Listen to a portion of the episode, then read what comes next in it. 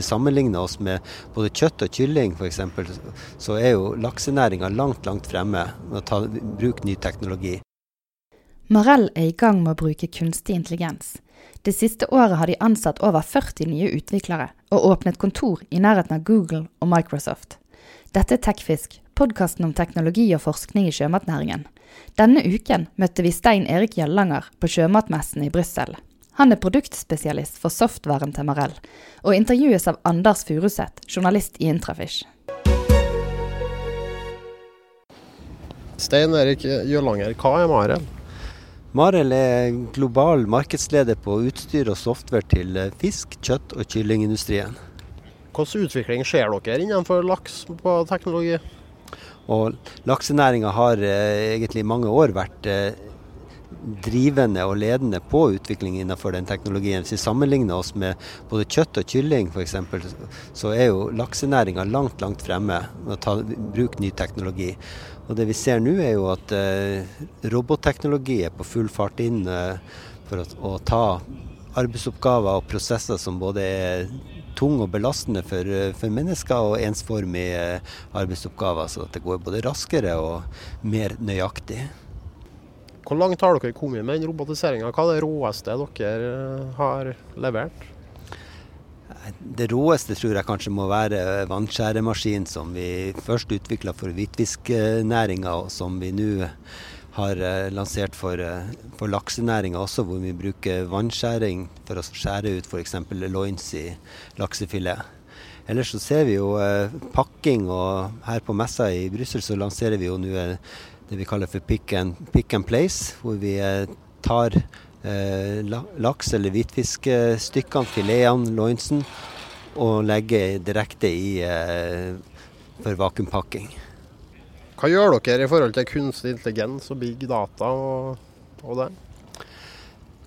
Eh, ja, vi er akkurat på tur inn i den verden nå. Vi bruker kunstig intelligens og jobber med det bl.a. på den vannskjæremaskinen hvor vi f.eks. vil bruke det for å detektere gaping i, i, hvitfisk. Vi ser også på å bruke det i den nye kvalitetsskanneren på, på laksefilet, for å lettere og raskere eh, identifisere feil og, og misfarging på, på laksefiletene. Ellers så fra software så eh, har vi jo det siste året faktisk ansatt over 40 nye utviklere og, og etablert eget kontor i Seattle nært eh, både Google og Microsoft for å være i kontakt og innenfor det ledende miljøet på kunstig intelligens. Så vi ser mange, mange muligheter og en spennende fremtid der. Hva sier kundene til det, bruk av kunstig intelligens?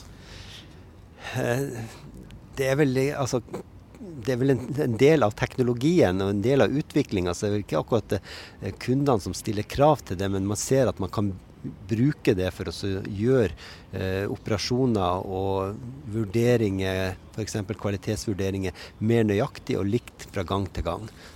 Som en maskin kan gjøre, men som ikke kanskje et menneske kan gjøre. Marel driver som du sa, både med kylling, kjøtt og fisk. Kan du fortelle litt hvordan dere jobber på kryss og tvers av de forskjellige divisjonene i konsernet? Softwaremessig så er den softwaren som Marel har som heter Innova, er egentlig en og samme softwaren. Uansett om det er kjøtt, kylling eller, eller fisk. Så er det de samme elementene den består av. og Pakking, merking f.eks. Akkurat samme. Lagerstyring osv. Eh, når det gjelder utstyr, så er jo eh, litt mer å ta den løsning man har begynt å utvikle, eller har utvikla for én næring, og flytte den over og gjenbruke den i, i ei anna næring. Og Det har vi hatt flere eksempler på der vi har f.eks. starta med utvikling av en maskin for fiskeindustrien, så har man sett at uh, dette kunne brukes i kyllingindustrien, og så har man uh, utvikla litt videre på den for å bruke den der. Og så etter noen år så har man lært mye der, og så kan man ta det med tilbake igjen til, til fiskeindustrien. Og da har vi et par fine eksempler på her på, uh, på messa, bl.a. Det som opprinnelig var man trimma hvitfisk og trimma laks, så var det trimmelinje med veiing inn og ut. Den tok vi over til uh, kylling og ble såkalt streamline i kylling og senere i kjøtt. Og nå er den på tur tilbake igjen til, uh, til fiskeindustrien. På, uh, hvor vi her lanserer Streamline for fisk. Dvs. Si at vi veier batcher inn til operatøren som trimmer, og så eh, trimmer og skjærer den av, og så veier vi batchene ut igjen, sånn at vi hele tida vet akkurat hvor mye fisk hver enkelt operatør har mottatt og trimma, og hvilket avskjær og hvilket hovedprodukt som kommer fra den operatøren. Du sa òg at dere drev produktutvikling i tett samarbeid med kundene. Kan du fortelle litt hvordan prosessen er? Eh, vi har et mål om at den utviklinga vi gjør, både teknologi og software-messig, skal skje i partnerskap med kundene. Det er kundene som, som driver oss, og det er kundene som eh, kjenner best på kroppen hva behovene er. Og så kan vi være en, eh, en, portal inn med ny teknologi og med ressurser for oss å drive den utviklinga. Og det har vi jo gjort i mange eksempler på de senere årene. og Kanskje to eh, for fisk, så Visir på Island og Lerøy i Norge med deres nye fabrikker, hvor vi har vært med i tett samarbeid og utvikla nytt maskineri til det. Ja, Den nye Lerøy-fabrikken på Hitra er ganske moderne. Det er nesten ingen mennesker som rører fisken, har jeg hørt? Stemmer det? Ja, den kan der passere fisken gjennom fabrikken stort sett uten at menneskehånda har berørt den. Det er høyteknologi på sitt beste, og også et godt eksempel på hvor langt fremme lakseindustrien er på å ta i bruk ny teknologi sammenlignet med annen næring som, fisk, som kjøtt og kylling. Hvilke tanker gjør deg i forhold til arbeidsplasser? Det blir jo en del som blir overflødige pga. den nye teknologien?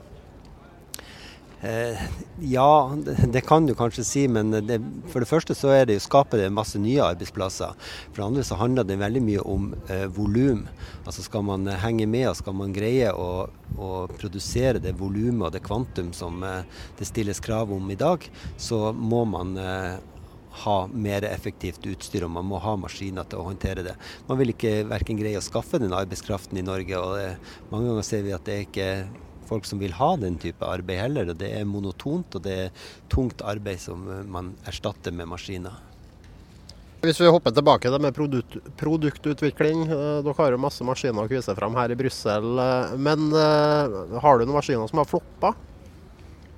Det er sikkert eh, maskiner som har floppa. Jeg kommer ikke på noen akkurat i, i farta nå, men som sagt så prøver vi å gjøre utviklinga sammen med kunder. og Hvis både vi og kunden ønsker å få maskinen til å, å, virke, så kan det godt hende at det kan være innkjøringsproblemer og utfordringer man møter på underveis. Men eh, til syvende og sist så kommer man vel i mål med et eh, godt og nytt verktøy. Hvordan har tilbakemeldingene vært så langt uh, av kunder som har besøkt dere på stand her? Det har vært veldig god tilbakemelding. Vi har hatt uh, masse norske kunder her allerede i dag. Og det er jo for så vidt kunder fra hele verden. Vi har jo en, en stor stand med representanter, representanter, fra de fleste landene som vi opererer i innenfor fisk. da. Og uh, det strømmer til med kunder, så det er veldig spennende. Hvordan er konkurransen for dere? Konkurransen den er sunn og den driver oss fremover. og Vi har konkurrenter på egentlig på alle nivåer på det vi leverer. Men vi er vel litt, litt særegenhet som kan levere en så komplett og full linje med både hardware og software. Så, men eh, vi har konkurrenter, og det setter vi pris på. Har dere eh, mange patenter, eller er det andre måter dere eh, beskytter dere på? Eh, jeg kjenner ikke til detaljene i antall patenter og sånt, men ja, Marel har en del patenter som er, er patentert i ulike markeder. Vet du hvor mye dere bruker på innovasjon og utvikling per år, som prosent av omsetning? Av omsetninga så skal 6 eh, av, rundt 6% av omsetninga settes av til utvikling. Og Så blir den da fordelt innenfor de ulike områdene. Noe på software, noe på hardware, og noe innenfor kjøtt og noe innenfor kylling. så det er litt sånn intern konkurranse om å få det, men eh, som vi snakka om tidligere også, så har vi jo en synergieffekt av å operere innenfor de flere industrier der vi tar med oss eh, ny utvikling fra én industri og bringer det inn i en ny industri. Hvordan tror du laksenæringa foredler laksen om ti år?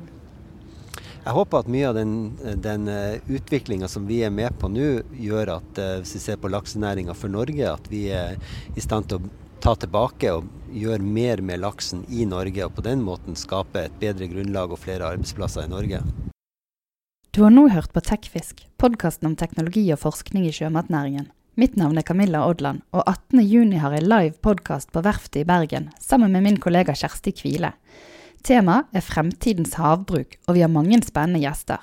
Mer informasjon finner du på intrafish.events slash techfiskdirekte Bergen i ett ord.